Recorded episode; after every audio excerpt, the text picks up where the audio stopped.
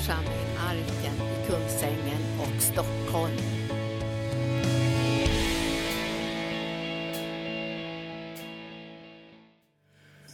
Det är fint här. Prisa Gud, prisa Gud, prisa Gud. Man känner att det är eh, liksom en central sak att det riktar sin uppmärksamhet på Herren.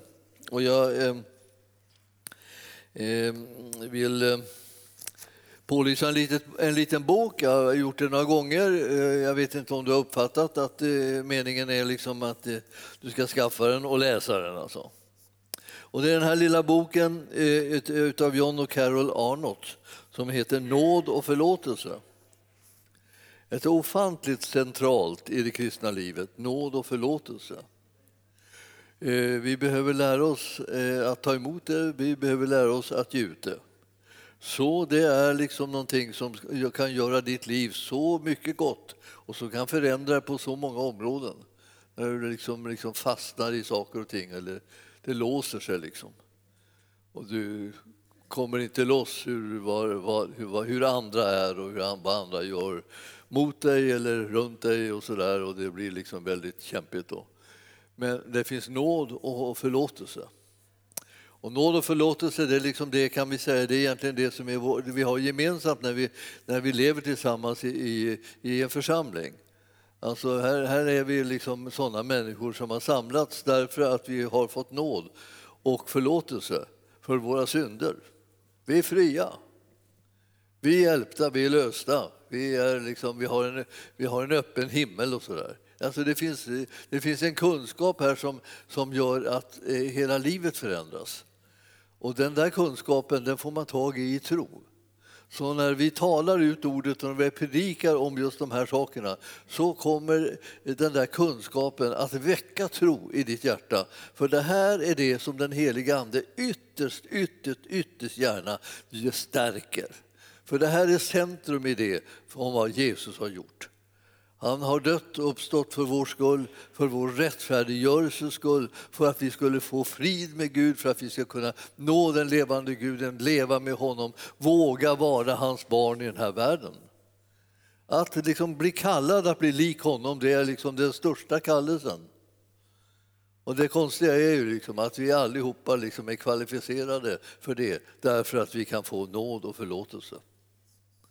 Så då blir plötsligt livet möjligt. Inte några begränsningar, inte det inga hopplösa fall finns inte i Guds rike. Så skulle du till äventyr känna dig som ett sånt så har du nog känt fel. För precis som vi hörde så är det så Gud han är så god, han är så, han är så nådig, han är så villig att förlåta att han upprättar vilken syndare som helst. Så det, om du sitter och tycker att du är någon kvalificerad syndare och därför har stora hinder så är, är det en lätt match för Herren att lösa det från det. Han bara föder det på nytt så blir du en helt annan person. Jag känner inte igen dig själv därför att du har blivit så fri, du, du har blivit löst ifrån synden. Som en destruktiv, otäck makt som finns i den här världen och vi har alla liksom att hålla den stången. Den här boken är en liten tunn bok. Jag, jag, jag vet ju liksom att folk i allmänhet inte är några så jätteläsare. Liksom de vet, det är få sådär som vill läsa luntor. De finns ju också, Gud vare tack. Men så finns det liksom resten då, som, som, läser sådana här böcker. Och därför jag själv, jag, jag vänder mig ofta till dem när jag skriver. För jag tycker att de vill ha en liten sån här liten bok. Och nu har John Arnott och Carol Arnott gjort, gjort detsamma. Man har skrivit om ett jättestort och viktigt ämne och, och gjort det i en sån här liten bok. En, en härlig liten bok alltså. Jag kan väl säga det att eh, här, här får du tag i det här hur du ska få del av nåd och förlåtelse och hur du ska kunna förmedla det vidare till andra. Alltså det här är bästa medicinen som finns för livet. Du behöver den själv och du behöver dela med dig till andra av den. Eh, och, och, och, du vet, det finns en väg ibland. Ibland så är det ju inte så enkelt att förlåta människor. Man får ju sitta och tugga på det. Liksom hela. Man kan ju hålla på ganska länge liksom innan, innan det liksom blir så att man menar vad man säger. Så först säger man det liksom bara som man bara säger därför man ska säga det. Man, man förlåter dem och man förlåter dem här. Jag förlåter den och jag förlåter honom i namnet Jesus. Och, och det känns ju liksom som om det inte tog riktigt någonstans. Och så är man där igen och så säger man om det och så proklamerar man ut det. Och varje gång man håller på med det här så är det som att man kallar på det här med att ett, ett förlåtande sinnelag, ett förlåtande hjärta liksom ska börja utveckla sig och man kan verkligen ge den här förlåtelsen som man talar om att man ger nu. Eh, eh, även om det inte riktigt kommer igång med första gången man säger det. Men så småningom så börjar det liksom flöda utifrån ens liv och man blir fri på kuppen. Så jag vill säga till dig, det är idiotiskt. Ja, nu säger jag, liksom, jag talar klarspråk här till dig. Det är idiotiskt att låta bli att förlåta människor.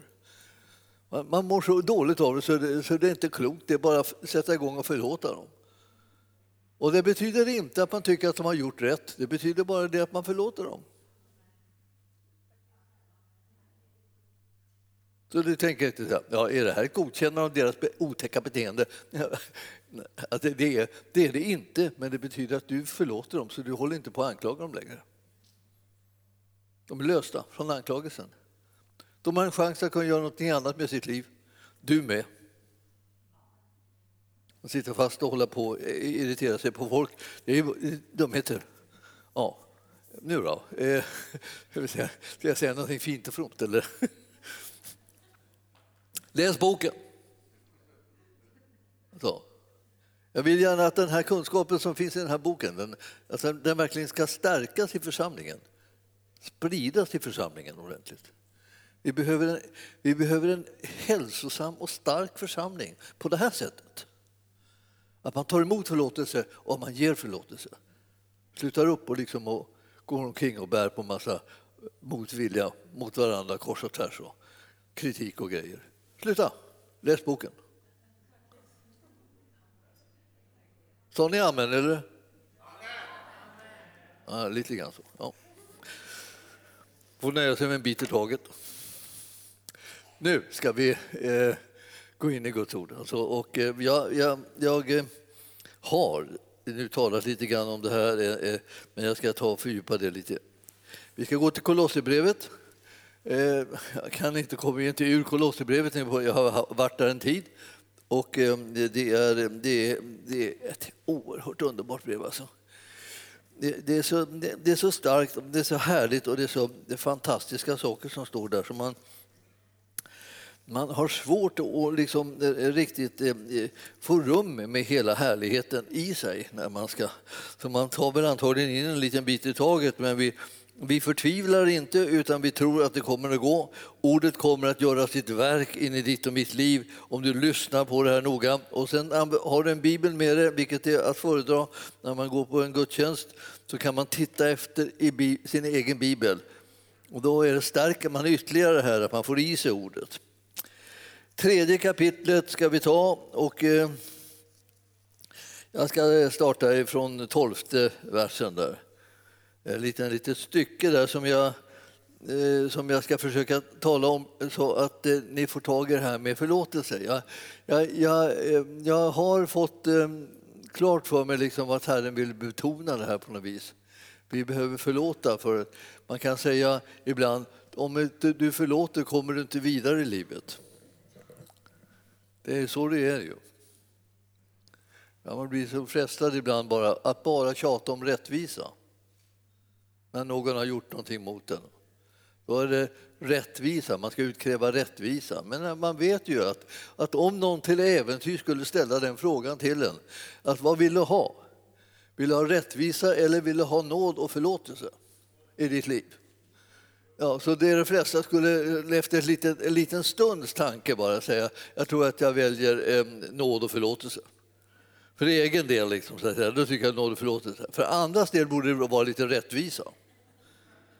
Men snart märker jag liksom att det är väl liksom inte riktigt hållbart att du har liksom ett mått för dig och ett mått för de andra. Liksom. Utan, utan du får det liksom antingen eller. Alltså den som tar emot förlåtelse själv för egen del blir en kandidat för att gå och ge förlåtelse till andra. Det är så det liksom börjar. Det börjar med att man får förlåtelse från Herren och sen blir man en som ska gå ut med förlåtelse till folk runt omkring sig så att man förändrar, förändrar världen kan man säga. Förändrar människors liv och man förändrar sitt eget liv också. Här står nu alltså klä er därför som Guds utvalda, heliga och älskade. Det här är det, det handlar om dig alltså. Det här är beskrivningen av dig. Och det är beskrivningen av mig. Vi är alltså Guds utvalda, vi är Guds heliga och älskade. Det är vi. Ja, det är skönt att, liksom, att veta liksom, hur Gud ser på saker och ting. Och som vi hörde, från himlen behöver man höra saker och ting, annars får man för sig andra tankar. Man får liksom små futtiga tankar, små elaka, liksom småsinta tankar dyker upp och, liksom, och, och, och, och gnager på en. Men här säger Gud någonting helt annat om dig och mig än det som vi ibland tänker om oss eller tänker om de andra. Och därför så behöver man tänka så här, så här tänker alltså Gud. Han menar att vi är hans utvalda, vi menar att hans heliga, det är vi och hans älskade är vi. Och, det, och, nu är det ju så att vi är nästan bortskämda med att höra det förmodligen, så vi blir inte riktigt glada när vi hör det. Vi bara tänker, mm, ja, det är vi. Det är vi. Man är utvald och helig och älskad, det är självklart. Men, men alltså, eller så tror man inte på det. Det kan ju också tänkas, man tänker sig så känner inte jag mig. Nej, men det är därför att du har lyssnat på för mycket andra saker. Det själv till exempel har du lyssnat på. Eller har du lyssnat på omgivningen, liksom, vad de har sagt om dig genom tiderna. Eller från begynnelsen så att säga. Och malt om saker och ting om dig. De har vägt dig och eh, tyckt att du har vägt för lätt. Det är, ehm, här, här står det i alla fall att Gud har den här syn, eh, synpunkten på dig. Och eh, vi ska liksom därför, eh, vi som är det här, vi ska klä oss i någonting och det är i innerlig barmhärtighet, i godhet, i ödmjukhet, i mildhet och tålamod ska vi klä oss i. Så när man ser oss då, då ser man då allmänhet våra kläder då, liksom, först. Då. Och när det gäller de andliga kläderna så ska det vara den där sorten som stod här. Så att det, vad man liksom stöter på när man stöter på dig och mig så blir det, det är innerlig barmhärtighet. Vad härligt. Och sen godhet och ödmjukhet. Och mildhet och tålamod. Alltså man har inget emot att möta en person som, eh, som har klätt på sig sånt. Det blir ett härligt, härligt möte. Man skulle vilja alltid möta sådana bara möta sådana, skulle jag vilja säga. Eh, inte, inte, no, inte någon annan liksom, liten ilsken, illvillig typ. Utan bara man skulle vilja se härlig, härlighet, barmhärtighet och godhet och, och ödmjukhet. Jag tänker, vi möter sådana personer. Man, man, man, skulle känna sig liksom som, åh, det här, här vill jag stanna. Det är som en oas, liksom. jag slår mig ner här med dig. Vi kan inte vi sitta här bara liksom och prata, du och jag, och, liksom och njuta liksom av alltså, att godheten flödar och så här. Ja, alltså det, det finns ju människor av den sorten som man möter dem ibland som är liksom så, så liksom avslappnat sköna att vara med så att man liksom känner sig som förnyad när man går därifrån. Sen, liksom jag känner att allting det lättade, det släppte. Liksom. Jag fick, jag fick liksom kasta av mig en massa bördor och jag kände att, det, att jag blev som en ny människa. Sådana människor vill man ju gärna, gärna träffa ofta. Och det är inte alltid så lätt att, liksom att få till det där med, med de här ofta träffarna utan man får gå där och längta. Liksom. Och det är inte helt fel det heller. Alltså lite längtan efter godhet och ödmjukhet och mildhet och tålamod och sådär. Det, det kan ju vara nyttigt att längta efter. Och så medan man håller på då, medan man längtar efter att man ska få möta en sån här så kan man ju pröva sig på att ge uttryck för det själv. Klä sig i det rusta sig för det liksom, så att man kan ge prov på det när man möter andra. Så kan man själv få bli en oas. Jag, jag, jag, har, jag har sett att, att det här är det här är så fantastiskt med den där oerhörda eh, fantastiska klädedräkten som man får där. Men i nästa vers, som blir själva huvudversen i den här predikan, den versen eh, eh, den handlar om det här, det här att det ska gå åt två håll så att säga. Ha fördrag med varandra och förlåt varandra om någon har något att förebrå en annan. Så som Herren har förlåtit er ska ni förlåta varandra. Det finns inte en enda plan ifrån Guds sida att förlåtelsen ska stanna och utvecklas till liksom, i dig till döda havet ungefär. Där vattnet inte rinner ut utan det bara rinner in. Ja. Alltså man brukar använda den där, liksom, det, det, är liksom döden i, i grytan, på säga. Eh, men, men vattnet rinner i Döda havet bara in och det finns inget utflöde. Och därför så dör allting där inne. Och så blir det på något sätt även med de mest underbara, goda gåvor som rinner in i vårt liv från Herren och inte får lov att rinna ut och rinna vidare till andra. Det blir som, det blir som död bara i oss. Vi undrar, vad tog det vägen? Det var ju så härligt, jag tog emot det, tog emot det. Och ja, jag ska bara ha det själv. Liksom. Och jag känner liksom att ja, det här är mitt, mitt, mitt, mitt, mitt, mitt, mitt, mitt. Jag tänker inte släppa ifrån mig och ingen annan ska ha det. Liksom, för jag, ja, ja, jag har sånt oerhört behov av det här. Och jag, och jag struntar fullkomligt i vad andra har för något slags behov. Det dör. Men där man ger ut det, där får man precis den där effekten som man, som man får när man blir sådd och skörd. Det vill säga man ger ut det och man får skörda ännu mer av det. Det är liksom, eh, försvinner inte då, det förmeras. Man måste lära sig den liksom andliga principen, att få saker och ting att växa. Det är att dela med sig av det. Att ge det vidare, det är det som får det att växa. Så när du och jag kommer på de här sakerna i olika områden av vårt liv så märker vi plötsligt nu, är, nu, nu börjar jag få upp ögonen för att så här ska jag göra med den här situationen. Så här, det här sättet ska jag liksom ge vidare det som jag har fått för att liksom hela situationen ska förändras. Jag blir till välsignelse och välsignelsen som är för mig, den bara tilltar och ökar. Som sådde skörd, sådde skörd hela tiden. Vi pratar ofta om, om givandet och pengar och sådär. Men det, är, det rör sig ju om hela registret, alltså alla områden förstås. En härlig, en, en härlig sak alltså. Därför den där lilla versen här nu då. Den trettonde versen. Där står det ju alltså ha fördrag med varandra. Alltså, ja, om man får säga det, eh, fördrag. Liksom. Det betyder inte att du ska sluta någon slags förbund utan det betyder bara att du ska stå ut med dem.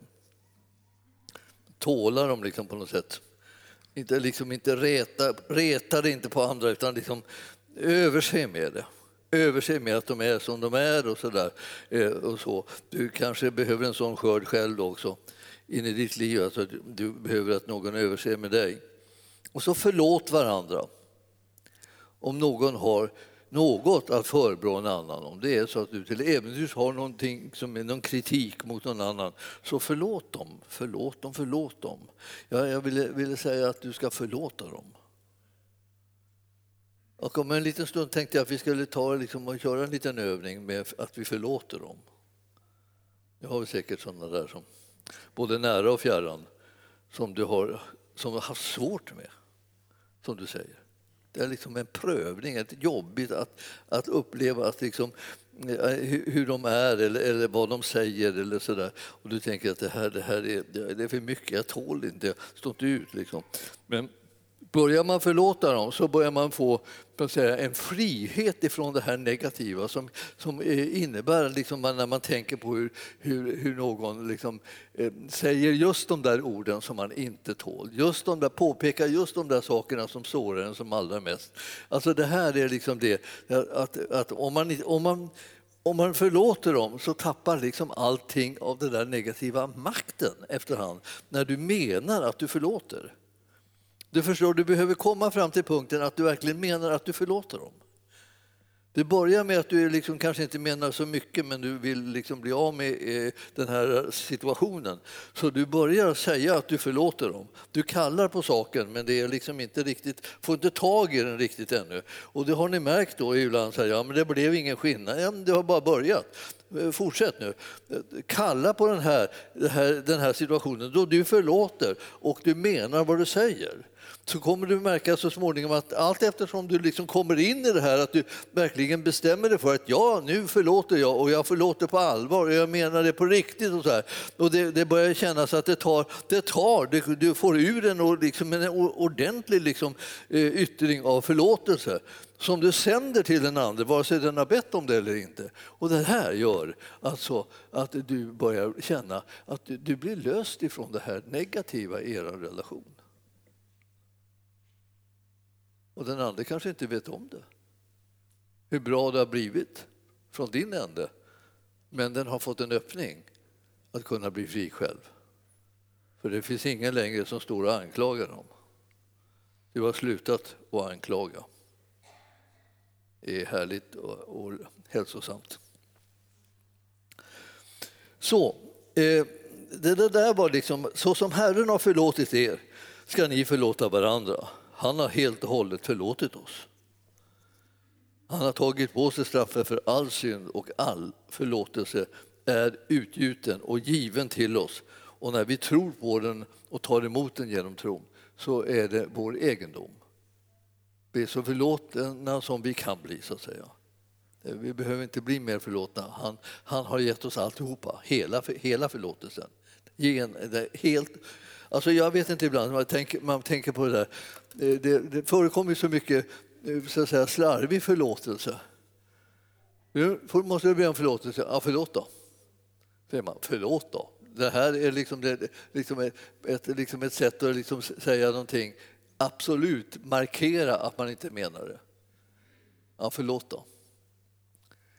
Men vi talar om det här att öva sig på att säga det som att man menar det. Det vill säga, man kallar på det. Man vill absolut att det ska komma i rörelse.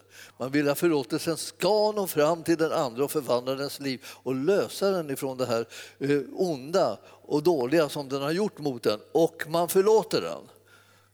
Utan att den lovar att ändra sig och alltihopa det här. Utan man förlåter den. Det blir ensidigt. Det går också bra att göra det så. Alltså, och man ger sig inte förrän det liksom når fram. Det vill säga att du får ut det ur ditt, ditt väsen, så att säga. Alla anklagelser som du har haft och du, och du släpper den andra fri. Då är det, då är det, då är det färdigt med det här. Jag tänker så här, eller många har ju liksom sig att de ska villkora det här. Jag tänker inte förlåta förrän den kommer och eh, bekänner allt dumt den har gjort och hur hemskt den har varit och hur den har förstört mitt liv och så kan man hålla på så här. Eh, ja, det, då kan man få vänta hela, hela tillvaron och då går man omkring och bara förstör sig själv också, sitt eget liv. Så att det är ingen idé att hålla på med sådana saker. Man gör det här från sin e-, egen och eget val och man gör det tills man känner att det släpper. En del får man ju hålla på med länge då. Det är ju så. Man tycker att man har blivit väldigt sårad och väldigt skadad av någon. Man får hålla på länge och säga om, om, om, om igen. Men jag kan säga dig att om du, om du är lite rädd om ditt liv så ser du till att du är en, en som förlåter, precis som du har blivit förlåten av Herren. Det står ju där, och är förlåten. Helt oförtjänt. Du har inte liksom lyckats rätta till allting och allting har blivit bra. Du bara står där liksom och egentligen och, och är helt skyldig och så säger han jag tar skulden och du blir förlåten. Visst har du råd att förlåta någon? Det är bara att förlåta på det. Liksom. det är självklart, har du fått det liksom alldeles gratis så kan du ge det gratis också utan att hålla på och tänka så här, ja men det är orättvist det här, det här borde ju vara på annat sätt. Nej, det var orättvist mot dig också när du fick förlåtelse. Fullständigt orättvist. Så tänk på det där lite grann, liksom, att det, det orättvisan liksom flödar. Alla som blir förlåtna ska vara orättvist. Det är nåd utöver nåd som, som är verksam istället för rättvisa. Rättvisan är skipad och den, den drabbade Jesus. Men orättvisan och nåden drabbade oss. Och det är den som vi ger vidare på samma, med samma villkor. Alltså. Nu ska ni se här att eh, Vi kommer till nästa vers. Där då. Vad ska vi då eh, göra för någonting härligt nu? Då? Jo, nu ska vi över allt det här så ska vi klä oss i kärleken. Och den har förmågan att binda samman oss alltså, full, till en fullkomlig enhet. Förstår ni? Liksom? Jag tror att, ju, att vi håller på och upptäcker att vi behöver just det här. För att församlingen som sådan ska, liksom ska knyta samman och eh, liksom genom kärleken bli, komma till en fullkomlig enhet. Ni förstår, när vi var väldigt få i den här församlingen var vi, var vi oerhört eniga. Det var en enhet som det var bara satt som, som, jag vet inte, som betong, liksom bara murad ihop. Så här, bara, bong. Alltså, en liten, liten, liten grupp som man... Så här,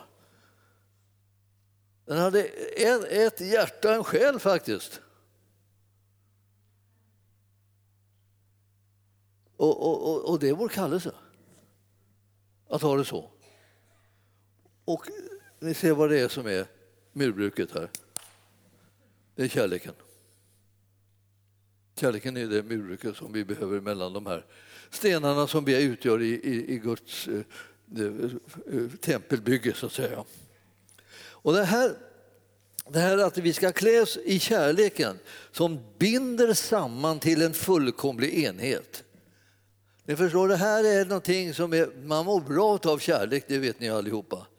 Ja, eh, och eh, det är klart att det, det, finns väl också missbruk liksom när det gäller kärlek. Att, säga, att eh, den kan vara liksom, på någon, ha någon slags krävande, konstig variant. Men den kärlek som vi pratar om, den osjälviska kärleken, den kärleken som kommer från Gud, den ska föras vidare mellan oss människor och knyta oss samman till en enhet så att vi fungerar i Kristi kropp. Det är, det är en härlighet utan like. Alltså. Jag tycker att eh, eh, vi, vi har någonting här som vi, vi så att säga, kan läsa och, och eh, bejaka om och om igen. Över det här allt, över allt det här så ska ni klä er i kärleken som binder samman till en fullkomlig enhet. Det är som, nästan som att det, det är ett beställningsord till, för en pastor. Liksom så här. Jag kan få ett ord här om, om hur jag ska få församlingen att liksom bli en tät enhet som kan arbeta och tjäna tillsammans och kan vara överlåtna i det här och glädjas över det och tycka att det är underbart. Ja, då blir det kärlek som, som kommer in och fäster oss samman. Och så står det här att vi ska tillåta saker. Och jag, jag, jag, tycker att ofta det är så lustigt på något vis när, när, när Herren kommer så här, ni ska låta, låta någonting gott hända. Låt något gott hända. Alltså jag vet, jag ja, det är vi väl alla med på. Liksom, alla vill att något gott ska hända, liksom, det är klart. Men alltså, han säger ändå till oss här, kan ni låta någonting gott hända här nu då? Kan ni, kan ni vara med på det? Sätt inte på tvären mot att det händer någonting gott, utan låt, tillåt att det kommer någonting gott. Och, det, och, I Guds församling så kommer det någonting gott att hända när vi liksom gör det på hans sätt. Vi sitter inte där liksom med våra egna agendor och, och knotar över att det inte är precis som vi tycker, utan vi gör det på hans sätt. Vad är det för sätt då? Ja, det, det, det har vi kommit en bit på här nu då. Det finns förlåtelse att, att ta emot och, och förlåtelse att ge. Det finns kärlek liksom att klä sig i så att man blir en fullkomlig enhet. Och eh, sen så, så låt Kristi frid regera era hjärtan. Tillåt hans frid att regera i ditt hjärta. Jag tänker, ja men det, det, är, väl, det är väl okej det. Det är väl okej. Ja men tillåt det då. Det betyder det att du liksom behöver bejaka det och kalla på det och säga ta emot det. Fyll mig med din frid. Herren, från Herrens sida har vi redan hört att han säger min frid ger jag er. Alltså, han, alltså, så han är inte så här, ja, ni behöver tigga om friden här för det är inte säkert att jag är på humör att ge den. Han är alltid på humör att ge den, han har till och med redan gett den. Eh, frågan är du på humör att ta emot den?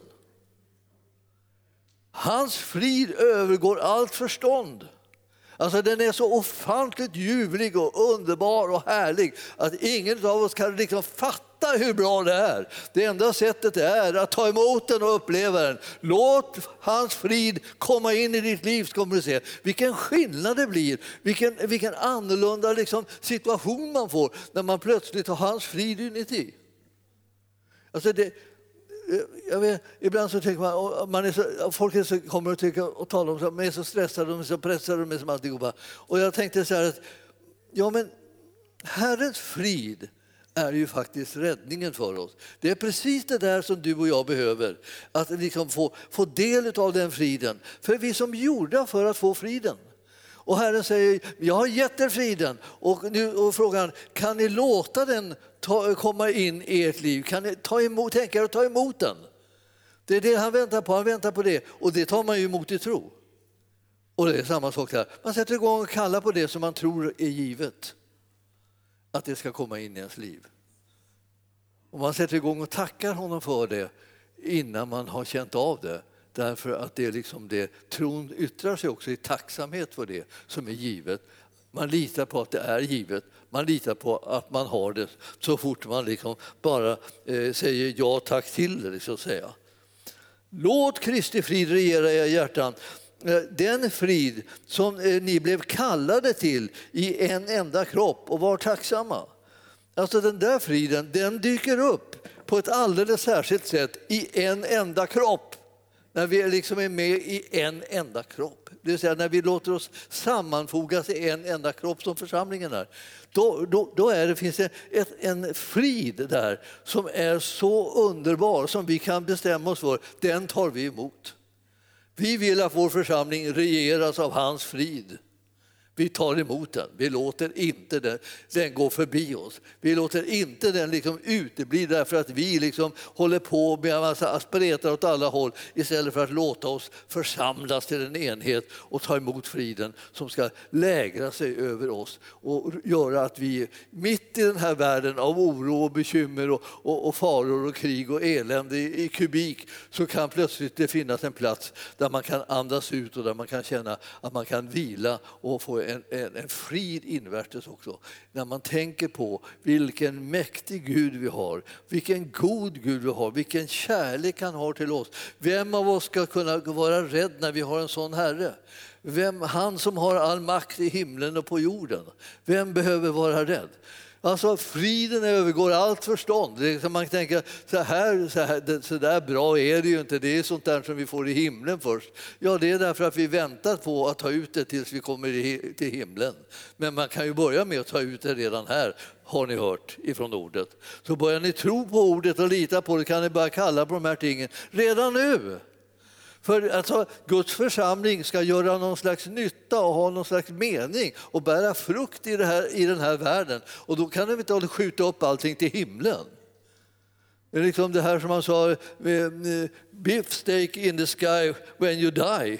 Liksom, vad säger man får den där smaskiga steken först när man kommer till himlen. Liksom. Och, men här, här på jorden här får man sitta och gnaga på liksom en pinne eller något.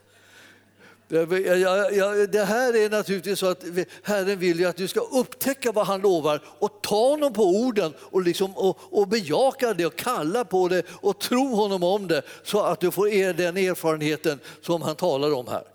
Och nu, nu är vi nästan snart, snart ute här liksom med på sluttampen. Här. Det, det, går ju så väldigt fort innan, vi, innan det här tar slut. Eh, Kristi ord, ja, vad är det med det? Ja, vi ska låta Kristi ord rikligt bo hos er. Och det, då ska vi säga, jag behöver att ni hjälps åt med det. Om vi ska ha Kristi ord, att den rikligt ska bo hos oss, så behöver ni allihopa ta emot Kristi ord. Ni behöver alla se till att ordet hela tiden tas emot utav er. Det vill säga, ni behöver alla läsa era biblar, ni behöver alla liksom eh, sätta tro till Herren och andra i linje med det som är hans ord om, det, om, det, om hans ord bor bland oss så ökar hela tiden liksom kraften i och inspirationen till att vi tar steg in i hans vilja. Annars så blir det som att är hans eh, ord frånvarande, då är det som att vi, vi lever inte in, lever ut det här eh, kristna livet så som han har tänkt det. Utan det liksom blir liksom hela, det väntar och det, här, vi hoppas att det ska ske någonting. Och, och, det, och vi får se vad Herren gör, vad gör han, vad gör han? han väntar på dig. Vad gör han? Vad gör han? Vad gör, vad, vad gör Herren för någonting? Ja, han, gör väl inte, han gör väl inte dina gärningar, utan han, han gör ju sina. Och han har gjort massor med gärningar som han väntar på att du ska ta emot och, och förvalta och liksom föröka liksom dem i ditt liv. Och när församlingen ska sammanfogas, ja, men då säger han till er, låt det sammanfogas. Ja, men då kan vi inte säga att vi får se om Herren sammanfogar oss. Vad är det för struntprat? Det är du som ska kliva in och sätta dig till din skuldra. Det är du som ska koppla ihop med de övriga för att Herrens vilja ska ske. Han har redan planerat det, han har gett alla förutsättningar för det. Så kliv in, gör det. Och när vi gör den här överlåtelsen, då, det är då som vi får uppleva den här verkligheten. Då skapar vi en plats liksom, där, där Herrens ande bor där frid råder. Liksom. Där, där Guds ord och vilja blir känd. Så att var och en vet vad Herren håller på att tala om och känner igen det och tycker inte det där låter väldigt främmande och konstigt. Det låter inte alls, det låter väldigt vanligt och precis det som han brukar säga. Och det säger han hela tiden i sitt ord, ungefär samma saker. Det kommer tillbaka, kommer tillbaka, kommer tillbaka, kommer tillbaka när vi läser Bibeln. Och så blir vi sådana som börjar tro på det som är skrivet och då stabiliseras hela församlingen och ditt och mitt enskilda liv också. Det vi brukar vi åtminstone vara intresserade av, alltså det enskilda livet. Då. Vilka, och så ska vi vara tacksamma den bästa medicin nästan som finns för en, för en kristen människa. Tacka Gud i livets alla förhållanden. Gör det, gör det, gör det, gör det, gör det. Så kommer du att må så bra så det inte är klokt. Liksom. Jag, jag, jag, tänker, tänker på det när, när jag råkade ut för det där första gången, alltså, jag, hela mitt liv kändes ju förvandlat av det, liksom, att få, få tacka Gud. Alltså, jag, inte kunde jag tacka Gud, alltså, jag hade ju inte övat någonting. Jag hade ju bara övat av att tjata om olika saker. Alltså det var ju liksom på något sätt en inköpslista som jag eh, eh, drog för Gud. Liksom, vad ville jag ha? Jag ville ha det här, vill ha det här, jag vill att det ska bli så där och så. Och så, så, så. Och så höll jag, höll jag på att tjata i mina böner. Men fullkomligt värdelösa böner kan man säga. Utan tacksägelse. Så jag började liksom lära mig att tacka Gud. Det gick trögt i början, men gode Gud vilken fart det blev på det sedan. Det blev som, det, det blev som, en, det blev som en, en, ström bara och som en våg och som en liksom våldsam kärlek som kom från Gud bara välde över mig. Jag tänkte så här, jag dör, jag dör, tänkte jag. Det var en konstig tanke. Liksom. Det, var så, det var väldigt härligt alltså. Men jag kände som att jag höll på att dö. Så att det liksom, för det blev så otroligt överväldigande så att jag nästan inte kunde andas. Och sen, sen, sen gick jag som i ett, liksom ett slags rus liksom efter, efter det där eh, i månader. Och folk sa till mig, vad är det med dig Gunnar? Vad är det med dig? Här, ja, det, det, det här jag hade, hade så svårt med, med, med tårarna. Jag, jag, fick, jag fick liksom syn på honom därför att jag började tacka honom. Och när jag började tacka honom började jag börja se vem han var. Du vet. Tacksägelse är en nyckel till att lära känna honom. Öppnar ögonen, plötsligt så är man, så är man där liksom, och man är fullkomligt... Liksom, man är helt, jag vet inte om man kan säga knäckt, för jag menar egentligen tvärtom. Alltså man, men, men man, man håller på att gå åt. Alltså man, man, man känner, har aldrig varit med om sån, sån, sån godhet. Jag lärde känna Gud genom tacksägelse. Så, det, så. Och det var inte så att det där, mitt liv var något särskilt ämne, ämne till tacksägelse som sådant tyckte jag. Liksom, jag tyckte mer att det, från början då tyckte jag mer att det var, jag hade mer att eh, klaga på då. Och så. Men sen när jag började tacka efter ett tag så började, började jag se hur mycket, hur mycket han har gjort. Ni vet att kristna faktiskt eh, då och då kan se spåren av Herren som icke-kristna inte ser. Alltså vi kan säga så här, åh, det där var Herren, säger vi. Och vi menar verkligen allvar, det är inte liksom bara någon liksom koketteri sådär, utan vi menar att det var Herren, jag kände igen hans spår. Hur kunde du känna igen hans spår? Därför att du kände honom. Alltså, du visste liksom hur han är och då såg du där, det där som skedde där, det var han. Och så börjar man se honom överallt. I alla möjliga olika situationer och, och händelser. Man börjar se hans spår. Vad håller han på med där? Han håller på och bereder för dig att du ska kunna göra det som han har kallat dig till. Han håller på att liksom rusta dig för att kunna bli ett redskap för honom och förhärliga hans namn här på jorden. Och ju mer du börjar tacka honom för öppnade ögon så börjar du kunna se det här, hur du egentligen ska leva och var vägen går. Herren, Herren, har, Herren har tänkt på dig alltså, sen, sen begynnelsen. Alltså, man kan inte förstå, vad, hade han inget annat att syssla med? Liksom att tänka på, på, på en, en, en, liten typ som dig och mig, va? Som, bara, som fanns en liten stund här på jorden liksom, och så, eh, var och så, och så uh, är man som gräset liksom, som växer på marken. När blomstret så blåser det lite tjong så är man borta, så är det liksom över alltihopa. Och det blev kanske inte ett enda spår av vad man kunde se. Men han har tänkt att det ska bli djupa spår, saker som får evighetsvärde när han har fått använda oss eh, under den korta tiden som vi är här. Så här, Kristi ord ska bo rikligt bland oss med all vishet. Undervisa och förmana varandra i psalmer, hymner och andliga sånger och sjung med tacksamhet till Guds lov i era hjärtan. Jag tänker, hur ska det kunna ske? Och det, då tänker jag, ja, det måste ju i rimlighetens namn ske genom att vi kommer tillsammans. Kommer vi inte tillsammans, jag tror var och en står och ylar liksom en liten lovsång i sin hemma. Det är inte liksom riktigt det som är Om vi ska göra det liksom för, eh, för Herren och, eh, och undervisa och förmana varandra med psalmer och hymner och sånt. Det är ju inte samma som att hålla på och skriva liksom sms. Liksom så här förmana folk hit och dit. Liksom. Eller ska hålla på med något annat med Facebook eller vad det är för någonting. För att liksom hålla på och yttra sina åsikter hit och dit. Det, det är Herrens åsikter som vi ska sprida. Det är Herrens tankar som vi ska sprida. Så försök att vara lite disciplinerade när det gäller det där. Eh, sprid inte en massa smörja och mänskliga åsikter. Sprid budskapet om Jesus, för det är det som är värt att komma ut. Människorna hungrar och törstar efter det här. De vill ha. Och du, du och jag behöver ha mod att kunna säga någonting om det istället för våra, bara våra vanliga åsikter. De kanske inte alltid liksom är så upplyftande. Undervisa och förmana varandra med salmer, hymner och andliga sånger och så sjung med tacksamhet till Guds lov i era hjärtan. Gör det tillsammans, bli uppbyggd av det. Man kommer tillsammans till församlingen, man prisar Gud, man lyssnar till hans ord. Man tänker ibland så här, ja, men ska inte alla, ska vi alla få säga vår mening? Ja, inte här. För här ska vi höra på Herrens mening. Det är det som är det. Och det är därför som man har med sin bibel så man kan kontrollera vad, vad, vad talaren säger. För han ska säga det som är Herrens meningar.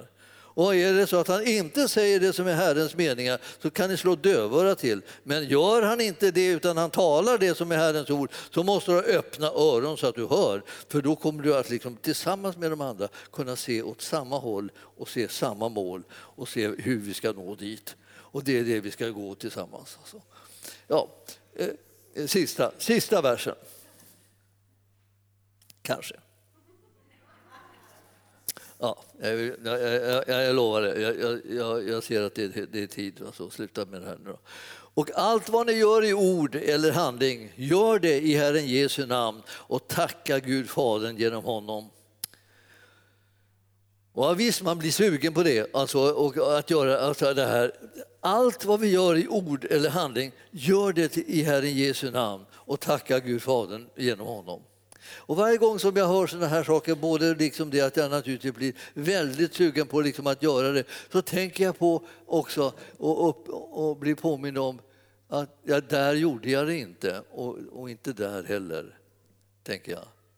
Så när jag ska gå in i de här sakerna liksom, så börjar, liksom, brukar det alltid börja med liksom att jag, att jag gör, upp med, gör upp med ting. Jag ber om förlåtelse för jag ser liksom att jag, att, jag, att jag misslyckades eller missade det. Att jag föll i en grop där som jag inte skulle ha fallit i. Och jag börjar tala på ett sätt som jag inte borde ha talat. Och eh, man skäms för det där. Ja, i alla fall jag skäms. Och så behöver jag bekänna synd och, och bli förlåten.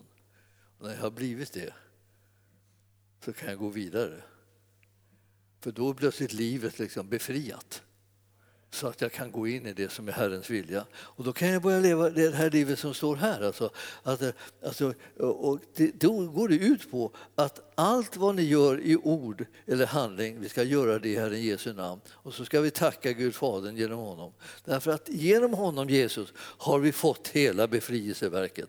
Alltså vi har blivit lösta, vi har blivit förvandlade. Vi har, vi har, vi har gjort så fria så att vi kan göra hans vilja. Och han kommer att hjälpa oss genom sin helige ande. Vi vet ju det. Alltså, vi har ju fått anden som ska vara bistå så han är den store hjälparen. Och hans hjälp räcker för att du och jag, sedan vi har blivit försonade med Gud, ska kunna göra hans vilja i den här världen. Med den helige andes kraft ska vi göra det som Herren har kallat oss till. Och ju mer vi liksom, är, liksom tar det till oss, låter det ske kan vi säga. Ehm, släpp taget om alla andra typer av, kryckor och hjälpmedel och, och, och håll tag i Herrens ord och i den heliga Andes kraft så kommer du se att det här liksom livet tar sig en helt annan vändning än det här bara att man hasar sig fram och gör, gör sitt bästa och sådär. Det, det är det övernaturliga livet som du och jag har blivit kallade att leva. Låt det ske! Var med på noterna liksom i det som Herren hittar på istället för att du liksom försöker kläcka dina egna idéer och sen liksom streta dig fram i det. Eller, och bara kommer i konflikt liksom med andras åsikter. Om vi hör tillsammans från Herren så kan vi komma att bli ett hjärta och en själ.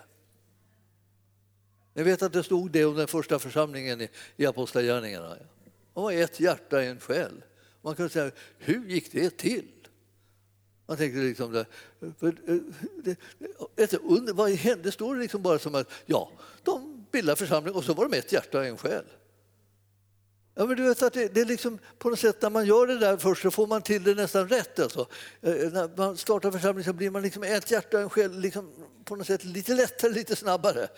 Men sen efter ett tag så blir man, eh, blir man störd av massa faktorer och, liksom och pressad hit och dit och, och till slut så börjar det bli massa åsikter istället för att höra äh, ord från Herren som, som talar till oss. Och, och, och då plötsligt så är, blir enhet någonting jätteknepigt att åstadkomma.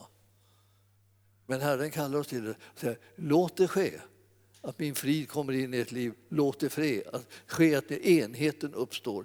Låt ta emot den som en gåva. Det är, det är Herren som har gett den. Låt kärleken flöda ibland så att ni blir sammanfogade till ett. Så att ni kan göra Herrens vilja. Så att kroppen kommer i funktion.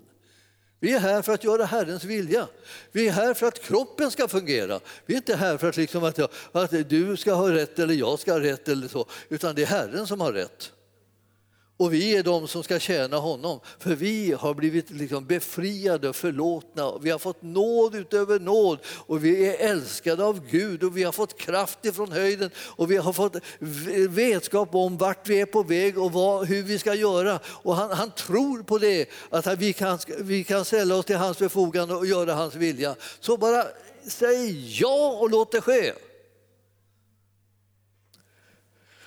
Ja, jag ska... Jag, jag, eh, jag, ska sa jag, jag sa att ni skulle läsa den här boken, va? Ni förstod det, att ni skulle läsa boken? Det är en jätteliten bok, men den är nyttig att läsa. Läs boken!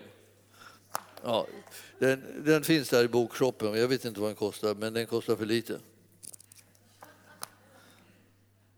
Livsförvandlande bok alltså. Man kommer bli så inspirerad. Ni förstår, när vi sätter igång allihopa och förlåter varenda kotte som vi haft någon konflikt med kommer vi ihåg dem, förlåter vi dem. Så att vi blir lösa. Då plötsligt så står man där och är tillgänglig för Herren. Tänker, nu kan jag göra Herrens vilja. Vad vill du Herre? Vad vill du använda mig till? Hur vill du att vi ska gå? Hur vill du att vi ska samarbeta för att din kropp ska fungera? Hur vill du att vi ska ta nästa steg så att vi kan få ut det underbara budskapet om Jesus Kristus bland människorna? Ja. Herren är full med idéer och planer och han väntar bara på att vi ska göra rent hus. Och nu ska vi ta en liten stund då vi bara tänker på vad är det som vad är det för människor som jag måste förlåta och, och liksom bli fri från på, i, i den här dåliga bemärkelsen. Alltså. Jag måste få fri, fri, jag kan inte hålla på och reta mig på dem, jag kan inte irritera mig på dem, jag kan inte hålla på liksom och tänka att allt hade varit så mycket enklare och bättre om bara inte de hade funnits och de hade gjort det här och det här. De där personerna, ta ut dem ur ditt liv genom att du förlåter dem. Förlåt dem bara. Och så tänker jag, det, det, eh, ska jag bara säga det då som en papegoja? Ja visst, om du är en papegoja nu då så får du väl göra det. Du säger som en papegoja. Sen ska du se, när du håller på med det här så småningom får du med hjärtat. Och du, och du ska hålla på tills du känner att det här, nu, nu den här, jag har släppt den här personen, den, det, vi, jag, den sitter inte fast med mig längre. Jag har ett liv så att säga utan dess inverkan eller påverkan. Bra. Då har, du, då har du gjort det som du ska.